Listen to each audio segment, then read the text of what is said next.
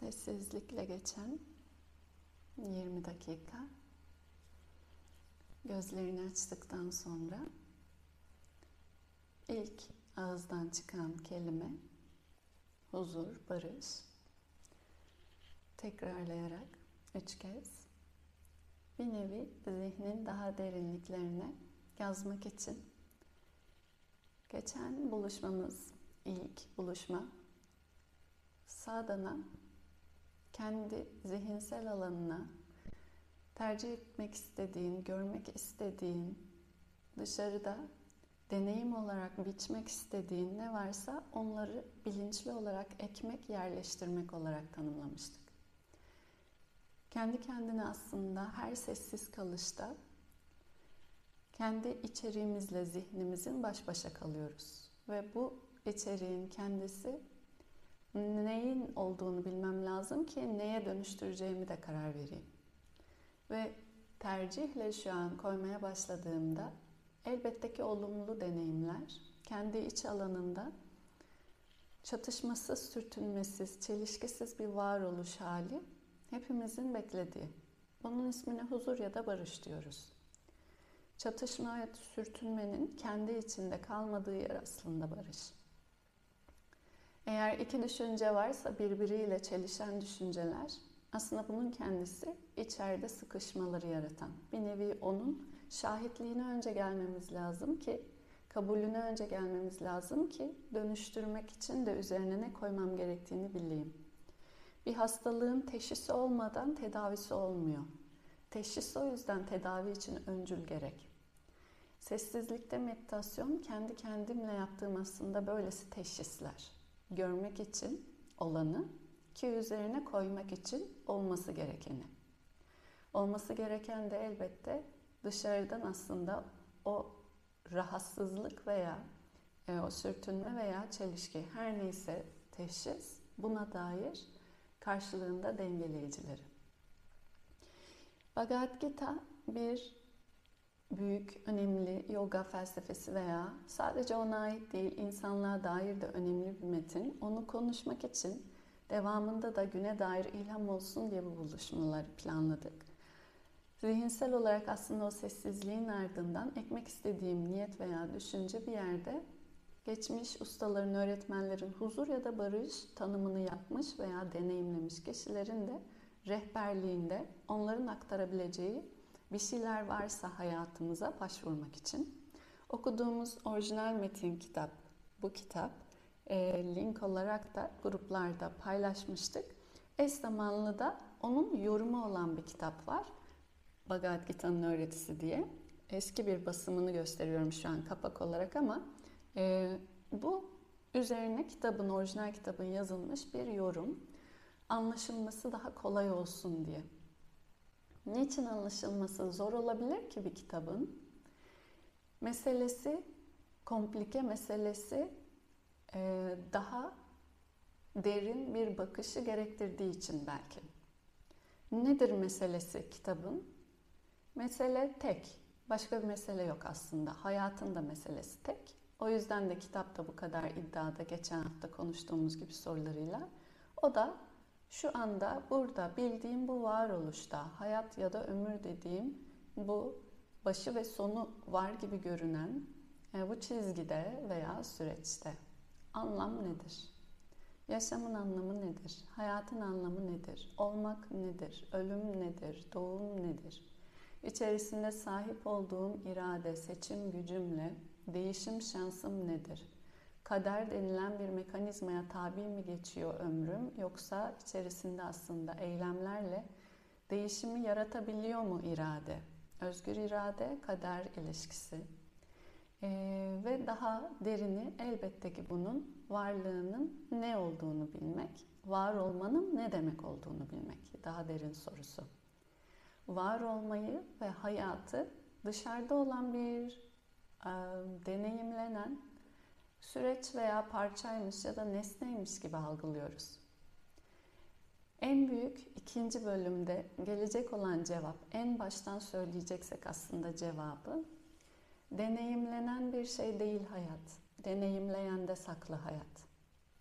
Dışarıda hayat nasıl, nasıl gidiyor diye sorulduğunda verdiğimiz cevaplar var. İşe dair, eşe dair, hava durumuna dair, olan biten ülke siyasetine dair.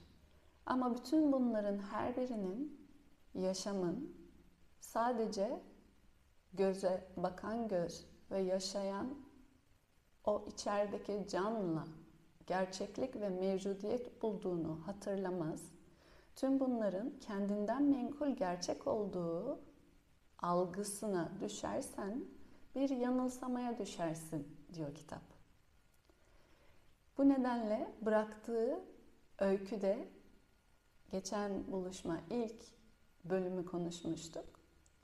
Arjuna isimli bir savaşçının bir savaş meydanında kendi duygusal bağımlılıklarıyla geçmiş kurduğu kimliklerle ilişkilerinden olması gereken, yapılması gereken doğru veya e, hakkaniyetli olan davranışı kaçırdığına dair bir girişte bırakmıştık.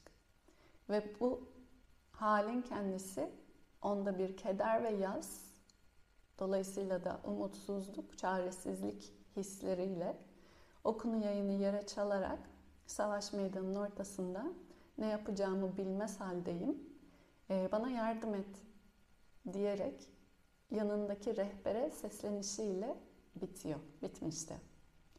Bu birinci bölüm giriş aslında her birimizin de demiştik ki kendi hayatında doğru eylemin ne olduğunu her an sorguladığı bir süreçten geçiyor. Hepimiz yediğimiz yemeğe dair bile. Bir kapıdan çıkarken, bir kapıdan girerken, bir evi terk ederken, başka bir eve giderken, bir işi terk ederken, başka bir işe geçerken, bir eşi terk ederken, başka bir eşe geçerken fark etmez.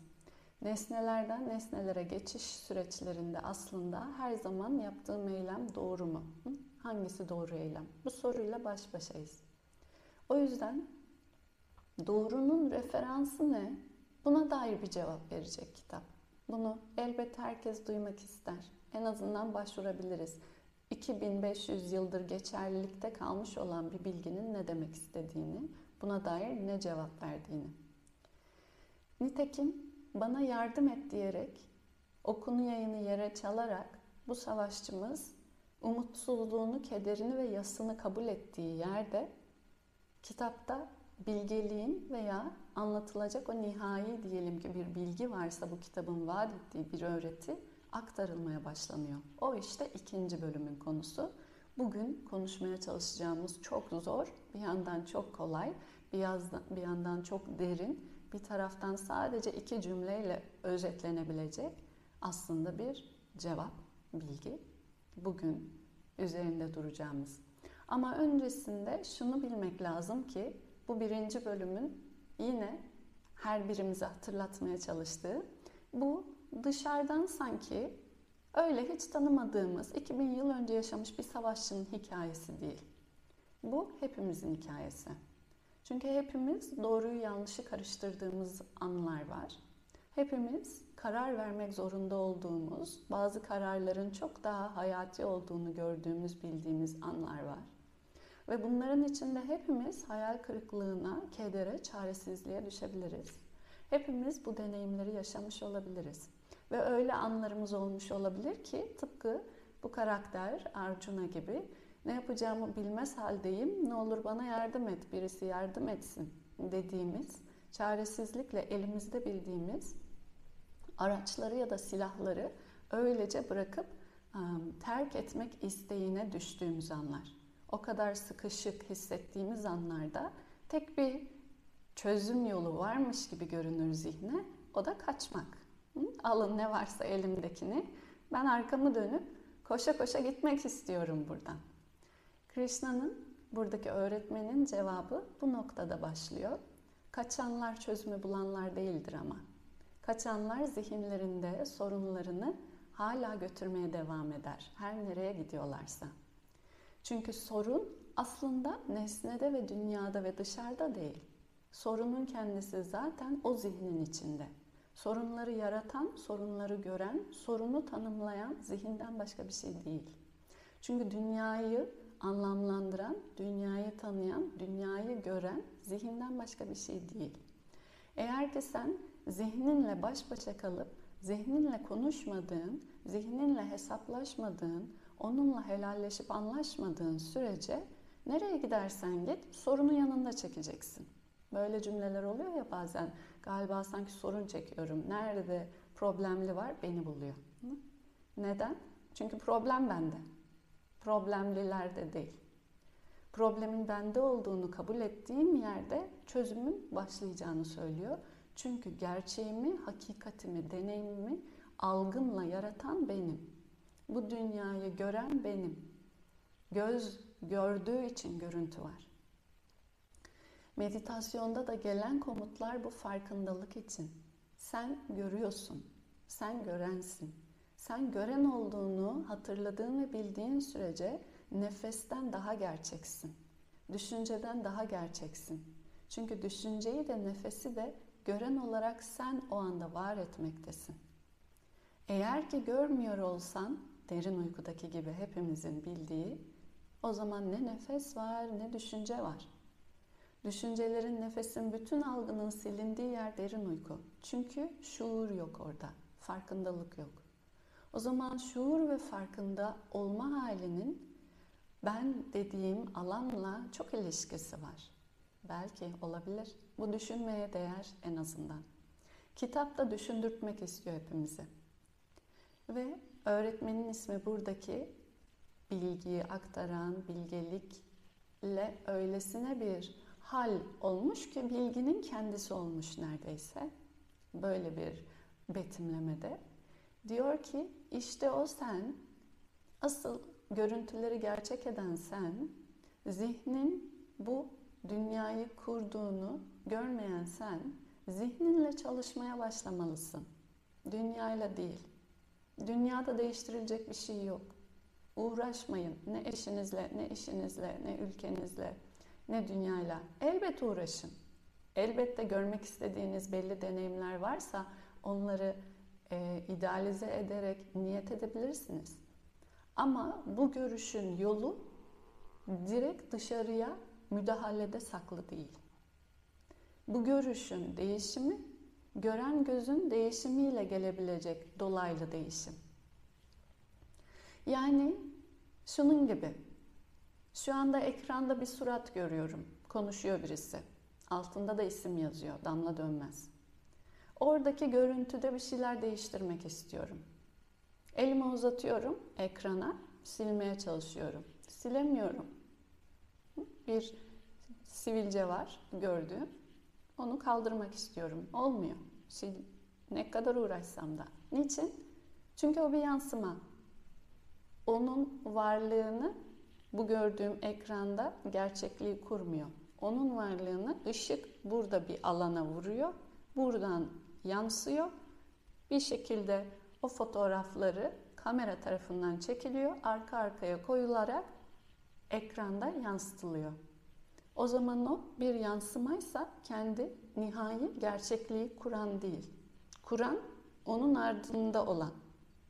Burası. Değişimi o zaman ben burada yapabilirim.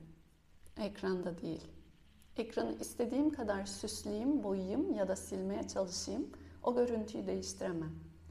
Dünyayı bu şekilde nesnelerle uğraşarak değiştirme çabamız bunun gibi bir şey. Kitabın diliyle. Ve dünyada aradığımız bir hal varsa ismi mutluluk olsun, ismi huzur olsun. Nesnelerle bulmaya çalışmak bunun kadar da boş bir şey. Beyhude, anlamsız. Çünkü gerçekliği kendinden menkul olmayan bir şeyi kurucusundan bağımsız değiştiremezsiniz, kurucusundan bağımsız da bulamazsınız. Bu yüzden kitap ikinci bölümünde bol bol bize şu enstrümana, şu yetiye seslenecek. Onun ismi zeka, muhakeme, fark etme, ayırt etme ve idrak etme. Zekaya ait bir nitelik. Şu anda eğer bunun bir görüntü olduğunu fark edersem, bu görüntünün kendinden menkul gerçekliği olmadığını ayırt edersem, onun kökünün asıl yaratıcı tırnak içerisine sayacaksam eğer ama sebep kastım buradaki kelimem onun ardındaki sebebin bağımsız olan sebebin ne olduğunu muhakeme edersem ona dair bulacağım cevap aslında bu görüntüyü de değiştirmemin cevabı olur. O hayatta kararlarımız keskin bir muhakeme, fark etme, ayırt etme ışığında olduğunda olanla olması gereken veya bütünsel olarak denge getiren ya da parçalılığında ayrım yaratan vesaire vesaire her şeye bunu koyabiliriz. Ama nihayetinde o muhakeme yetimizle, melekemizle karar veriyoruz. Eğer ki onu kullanırsak hiçbir karar yoktur ki şüphede kalsın ya da yanlışlığında kalsın.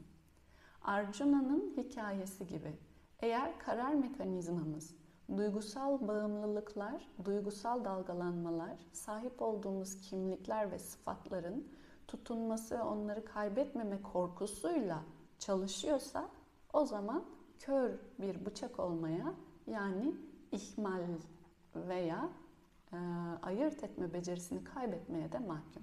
Çünkü ayırt etmenin içerisinde iyi kötü benim senin ya da sıfat olarak herhangi bir kimliğin ayrımı yok. Bu ekran ekransa ekrandır. 2 ile 2 4 eder. Dışarıda güneş varsa güneş vardır. Güneşin varlığını fark etmek bu muhakemeye dair bir şey. Biz bunu kendi halk dilimizde biliriz ki öfkeyle kalkan zararlı oturur. Bu aslında atasözü tam olarak şu anki bu kitabın anlatmaya çalıştığının küçük bir özeti. Ne demek? Duygusal bir bağımlılık veya dalga halinde karar vermeyin. Kararlarınız gölgelenir ve gölgelenen kararlar doğruya sizi götürmez. Doğru ne demek? Doğru burada kitabın çok kilit bir Sanskrit kavramı var. Belki aşina olanlarımız olabilir. Doğru diye bir kelimesi yok Sanskrit'in burada. Bütün bütünün dengesi diye bir kelimesi var. Onu bizim şu an konuşmamıza göre doğru anlamında kullanıyor. Sanskrit bu kavram dharma. Belki duyduysak. Dharma her şeyi bir arada tutan bütünün dengesi demek. O zaman nasıl bir eylem doğru olabilir?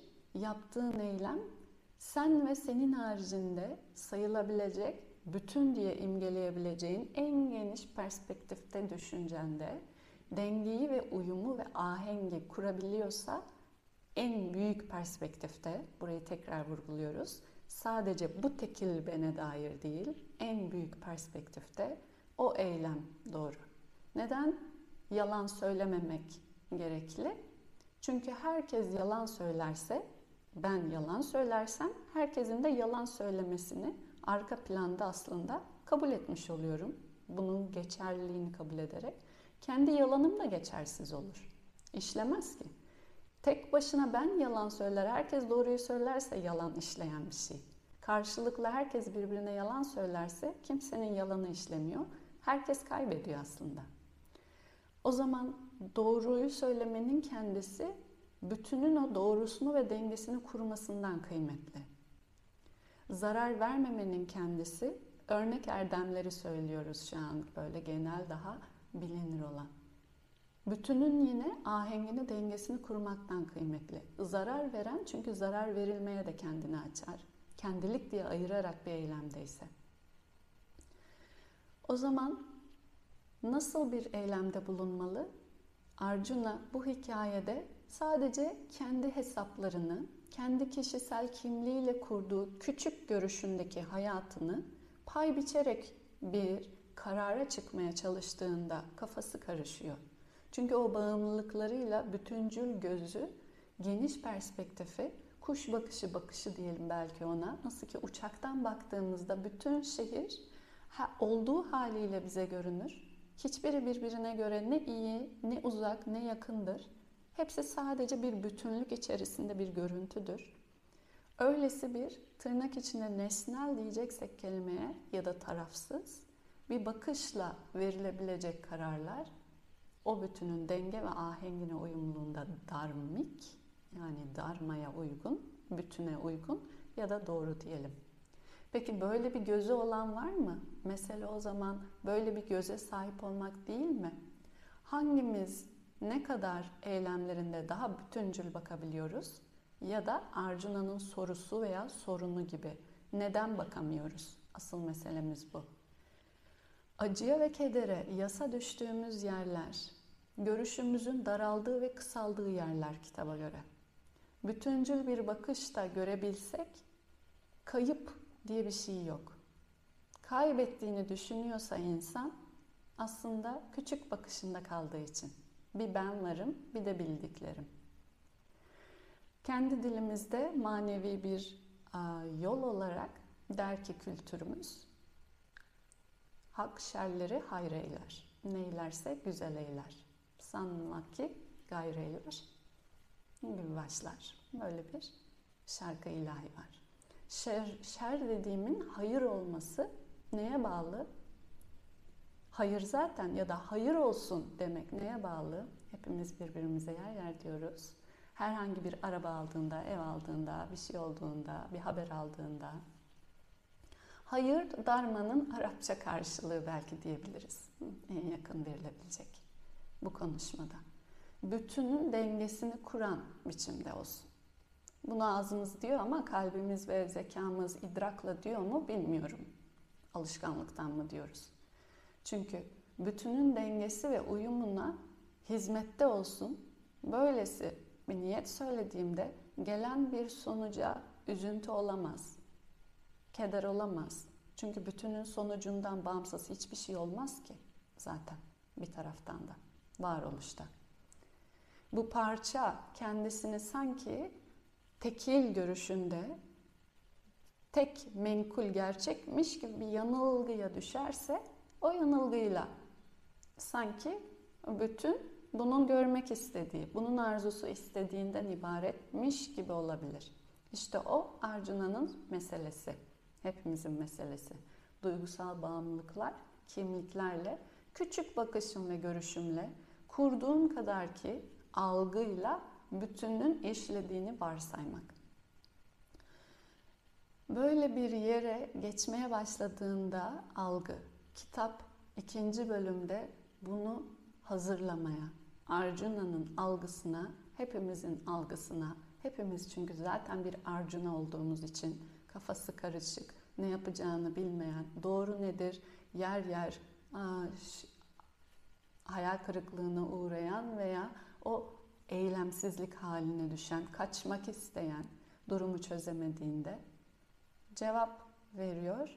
O bütüncül bakışa gözlerini çağır. Bütüncül bakışa gözlerini çağırdığında gördüğün görüntüden memnun değilsen kendini hatırlat. Problem görüntüde değil, problem gözünde. Burası önemli cümle hepimize kitabın hatırlattığı. Problem görüntüde değil, problem gözünde. En azından o gördüğün görüntüyü değiştirebilecek algı için şu an gördüğünün olması gerektiği biçimde bütünle uyumlu olduğunu hatırlat. Ve gelecekte göremediğin adımlar ve hesaplarda, küçük bakışında, bilemediğin yerlerde nelerin dönüşebileceğini, nelerin nelere vesile olup evrilebileceğini bu küçük akıl, bu küçük zihin şimdilik bu benlikle sahip olduğu kendi kimlikleriyle kurduğu değerlerinde ıskalıyor veya kaçırıyor olabilir. En azından kendini hatırlat. Hatırlatma neye yardımcı olur? Huzur bulursun. Bu kadar basit. Çünkü huzurun kendisi çatışmanın ve çelişkinin olmadığı yer. Neden huzursuzluktasın? Olanın senin istediğin olanla uyumsuz olduğunu düşündüğün için. İşte bu bir çelişki. Olanın peki senin istediğin gibi olması gerektiğini nereden çıkarttın? Olması gerekenin senin bildiklerinle kurulması gerektiğini. Bunu sorduğumuzda hepimiz kendimize cevap çok açık. Ben bilirim çünkü. Ben doğruyu bilirim. bu kadar? İddiadayız hepimiz. Biliriz. Böyle bir iddianın kendisi ne kadar doğru bütünün bilişine veya bilgisine göre? Sen kimsin? Özetle. Hepimize kitap böyle bir yerden soru soruyor. Ve sen kimsin? Daha derin bir sorunun kapısını açıyor. Hakikaten ben kimim? Ben gerçekten kimim? Ben neyim? Bildiğim kimlikler mi sadece ben? Ki bazıları yoktu geçmişte. Sonradan geldiler elime. Bir meslek, annelik vesaire, eşlik ve bazıları da gidiyor elimden. Her gidişinde, başka bir şeye evrilişinde kayıplardayım sanıyorum ama bakıyorum yine de yaşıyorum. Ve geçmişe dönüp baktığımda bazı ölen o kimliklerin iyi ki de ölmüş olduğunu düşünüyorum. İçinde acı çekerken devamında gelen yıllarında aa iyi olmuş meğersem diyorum. O geniş görüşe çıkartan bir şey büyük bakışında zaman hepimizi. Bu yüzden geçmişte ağladığımız şeylerin birçoğuna şu anda ah iyi ki o zamanlar bunlar olmuş diyebiliyoruz. Çünkü bütüncül görüşüne biraz daha zaman geçtikçe getirebiliyor gözümüzü. Ama o zaman gelememiştik. Şimdi o zaman bu zaman gelecek için aynı şeyi düşündürtebilir. Bu zamanda göremediklerim olamaz mı? Ağlarken daha büyüğünde bir görüşte başka bir şeye evriltecek belki. Ve o görüşün dengesiyle aslında hizmette olan şu anda. Dolayısıyla ben kimim sorusu ikinci bölümün büyük sorusu herkese sunduğu ömrü boyunca da daimi tefekkürde olmasını öğütlediği, hazırladı. Ve bu benlik kurulan kimliklerden ibaret mi? Ben bu kimlikler ve sıfatlardan ibaret mi? Yaşamak ne demek? İşte aynı sorulara şimdi tekrar geldik. Var olmak ne demek? Öyle bir varoluş olmalı ki bu bende ve bu var olan alemle kurulan ilişkide. Onun bağımlı bir bakışı olmasın göreceliliğinde. Tıpkı o bütüncül bakış gibi bir tanımla konuşabileceği, kurabileceği bir yer olamaz mı? Bütün bu sorular çok daha derin aslında bu varlığın varoluşuna dair derin muhakeme. Bu varlığın derin varoluşunun muhakemesi ise kimlikleriyle kurduğu ilişkileri sorgulamaya yani ben dediğim alanı nereden kurduğumu yeniden yeniden güncellemeye ve gözlemlemeye taşıyor. Daha derin devam ederse Arjuna'ya Krishna'nın şöyle cevapları geliyor. Sen gördüğünü tekil gördüğün kadarından iyi doğru ve gerçek mi sandın? Görebilecek gözün bir ömrün insan bedeninde olsun olsun maksimum 100 yıl bu dünyanın yaşının 100 yılın milyarlarca katında olduğunu aslında bilmiyor musun? Teorisini bilsen bile bu dünya ölenler ve doğanlarla devam ederken burada yaşam, yaşamın kendisini sadece bu kimliklerin üzerinden mi varsaydın? Eğer öyleyse kimliklerini kaybettiğin yeri ölüm diye tanırsın. Ama ölümün kendisinin bile bu bütünün içinde bir hizmette bir yeri olduğunu büyük bir bakışa çıksan belki biraz görebilirsin. İşte o daha büyük bakışa çıkmış olanlar ölenler için de doğanlar için de üzülmezler. Çünkü ne gelen vardır bu evrene ne giden. Geliş ve gidiş kendi içerisinde bir bütünlüklü halde. Gelenler ve gidenler bir ömrün içerisinde ölen kimliklerimiz gibi. Aslında belli kimliklerin kaybı. Bu elektriği çeksem bir anda görüntü kaybolur. Hiçbir şey duyamayız, duyamazsınız, göremezsiniz. Belki birisi burada konuşmaya devam etse bile. Bu demektir mi ki konuşanın kendisi kayboldu? Konuşmanın yansımasının kaybolması konuşanın kaybolacağını ispatlamaz. Ve biz yansımayı gören gözümüz olduğu için yansımayı kendinden menkul gerçek sanma algısına düşebiliyoruz. Krishna buradaki öğretmen buralardan başlayarak çok daha büyük şeyler söylemeye başlıyor. Aslında ben dediğin şeyin varoluşunun sadece bu bedenden, bu bildiğin, bu ömür içerisindeki sıfatlardan ibaret olmadığını bil Arjuna. Öyleyse ne sen ne de diğerleri gördüklerin görünen formlarını kaybettiklerinde yoklukta olamazlar. Sadece biçimsizlikte olabilirler. Biçimsizlik yokluk demek değildir. Biçimsizlik bildiğinin kaybıdır. Ama bildiğinin kaybı farklı bir varoluşun inkarı olamaz. Bu ekranın gittiğinde konuşanın suratı ve yüzü ve rengi ve sesi kaybolabilir ama kendisi kaybolmaz. Bu sorguya kendi yolumda nerede başlayabilirim? Kendi yolunda kurduğun gerçeklik tanımlarını önce bir eline alıp sorgulayarak başlayabilirsin. Neye gerçek diyorsun? Neyin üzerinden hayatını kuruyorsun, anlamı bulmaya çalışıyorsun? Ve onların tek tek kaybolma ihtimali, onlar elinden çekilmeden, sen imgesel olarak tasavvur ederek en azından bir yola çıksan yolculuğa, onların ardında belki daha gerçek olan bir şeyi görebilme şansını yaratmaz mısın? Bunun ismi manevi çalışma. Bunun ismi meditasyonla başlayabilir yol. Daha derin ayırt etme, muhakeme ve tefekkür, varlığın adına sorgulamanın aslında yolu. Bunun ismi sadana. Şu anda bu buluşmanın, buluşmaların büyük şemsiyesi. Varlığını anlamak, tanımlamak, çözmek önce kurduğun gerçeklikle başlayarak. O yüzden zihin bu gerçekliği kuran perdem olduğundan önce onunla başlıyorum. Sen kimsin? Sen kimsin dediğimde ilk verilen cevap tüm arzularım, isteklerim, iyi kötülerim, hedeflerim, niyetlerim karşıma çıkıyor. Sen kimsin dediğimde bana verilmiş cümlelerle övgüler ve yergiler karşıma çıkıyor kurduğum kimlikleri övgülerden aldığım hazla, yergilerden aldığım korkuyla zaten kendime ispatlıyorum. Kendimi o kimlikle kurmasam, o övgü ya da yergi gelse bende şu kadarcık bir his dalga yaratır mı?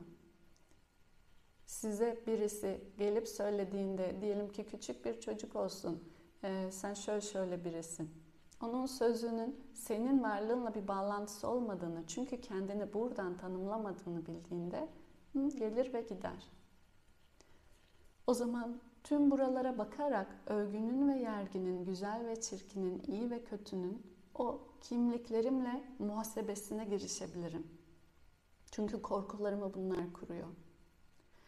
Yaslarımı ve kederlerimi Arjuna gibi buralar kuruyor keder ve yasın olmadığı bir yer varsa hepimiz her an eylemlerimizle hep bir gün daha, bir adım daha, daha iyi olmak istiyoruz. Daha mutlu olmak. Bunun adı kendimizin veya varoluş sürecimizin dahası diyelim bir şekilde. Hiç kimse her bir nefesini boşu boşuna aman ha biraz daha mutsuz olalım işte diye yaşamıyor.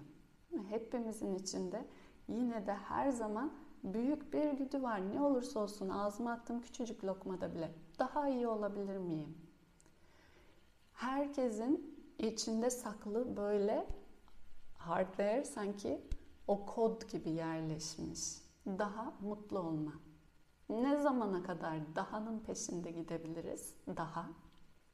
Her eylem daha, daha, daha, daha yetmiyor, yetmiyor, yetmiyor, Hala eksik, hala eksik, hala eksik. Bu bir yerde artık yeter dedirtmez mi? Yeter artık daha nereye koşacağım? Hı? Olmuyor, olmuyor, olmuyor. İşte bunu dediğimiz yerde sadana ideal olarak manevi çalışmanın başladığı yer. Çünkü dahanın dışarıdan gelemeyeceğini bildiğinde mutlu olma veya iyi olma halinin kendi zihninden gelen eksiklik hali veya kusurluluk haliyle kurulan yeni yeni kimliklerin birinin değişip diğerinin yerine gelişiyle olduğunu en azından kabul edersem burayla çalışmaya başlayabilirim. Bulunacak dışarıda bir şey yok. Nihai bir mutluluk olsun, oraya vardığımızda bir daha daha demeyelim. Bunun vaadinde bu kitap. Bunun vaadinde manevi yolların hepsi. Yoga bu kitabın geldiği öğreti olarak bir tanesi. O yüzden bu metinlere ve kitaplara Sanskrit dilinde moksha, shastra, özgürleşme metinleri denir. Neyden özgürleşeceğim? Sürekli kusurlu ve eksik biriyim algımdan özgürleşmem. Bunun sonu ne olur? Purnam olur. İkinci bölümde kitap onu söylüyor. Varlığında tam olduğunun idrakı ve bilişi. Varlığının tam ve kusursuz olduğunu nasıl bilir insan? Öyle bir varlığı varmış da bilmiyor muymuşuz? Birisi dese ne güzel kulağıma geldiğinde o dize de ah bir kendime ben desem. Asıl içeriden. İşte o yüzden diyemediğim yerlerimi gözümün önüne almam lazım ve oradan belki bırakmanın bile ihtimalini göze alarak değişim şansı var mı? Bakabilirim. Ama nihayetinde o nihai iyilik veya mutluluk veya tamlık onun ismi huzur. Artık orada bir daha daha yok. Böyle bir yeri ise nesneyle bulmak mümkün değil. Nesne değişmeye, zaman ve mekana mahkumluğuna e, mahkum. Zaman ve mekanda olan bir şeyin, nesne olan bir şeyin, görünen bir şeyin, görüntü olan bir şeyin değişimi de kaçınılmaz, göreceliliği de kaçınılmaz. Nereden bakarsanız ona göre görüntü alıyorsunuz. O zaman hep eksik kalır. Çünkü burayı gören burayı göremez, burayı gören burayı göremez. Bütününü görebileceğim şey aynı o bütün kavramına geri geldik. Nasıl olacak? Görüşten, görüntüden görene, göze geri çekmem lazım. Gözün kendisi çünkü bütün görüntüleri var eden. O göz görüyor bütün parçaları. O zaman bütün denilen yer, hani bütünün bir iyisi dengesi vardı ya, o bütün denilen yeri bu varoluşun da hesabında, bu oluşun da hesabında bulabilirim. İkinci bölüm çok önemli ve uzun bir bölüm. Gelecek buluşmada devam edeceğimiz ama diyecek ki kitap öyle bir varoluşta ölümün ve doğumun öyle bir idrakta ya da diyelim ki gözün kendi hakikatine geri çekilirse göz görüntülerden kendini geri alıp parçadan kendini geri alıp göreceği şey şu olacaktır ki ne başlangıç var ne bitiş.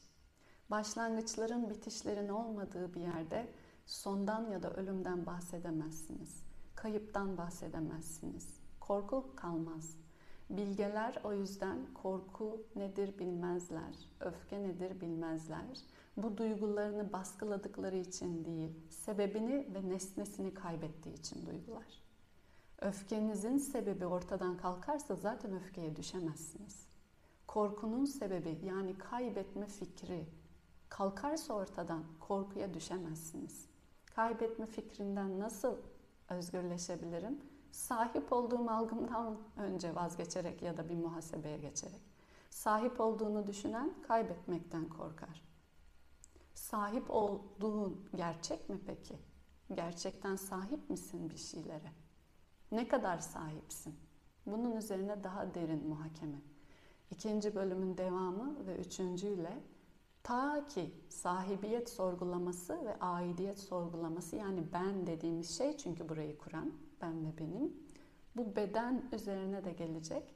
Bu etiketler, kimlikler üzerine de gelecek. Bu ilişkiler üzerine de gelecek. Sen gerçekten anne misin? Sen gerçekten eş misin? Sen gerçekten çocuk musun? Sen gerçekten öğretmen misin?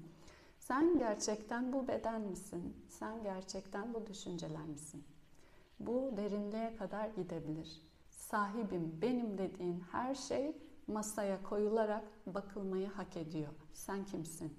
Sen nelere sahip olarak kendini tanımdasın, kurgudasın.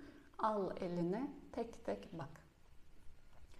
Ee, burası herkes için çok derin, ömürlülük soru. Bu kitap o yüzden oku oku bitmiyor. Her yıl tekrar okuyup her gün tekrar okunabilir. Çünkü bu soruyu ne zaman tamamen tamamladım diyebiliriz? Herhalde o zaman konuşmaya gerek kalmayacak. Konuşmamıza hiçbirimizin. Ama o soruları cevaplayana kadar, soru, yeni soru doğurana kadar bu da ömrümüz el verdiğince sormayı hak ediyor. Çünkü yaşam konuştuğumuz gibi ölümle kendini var ediyor.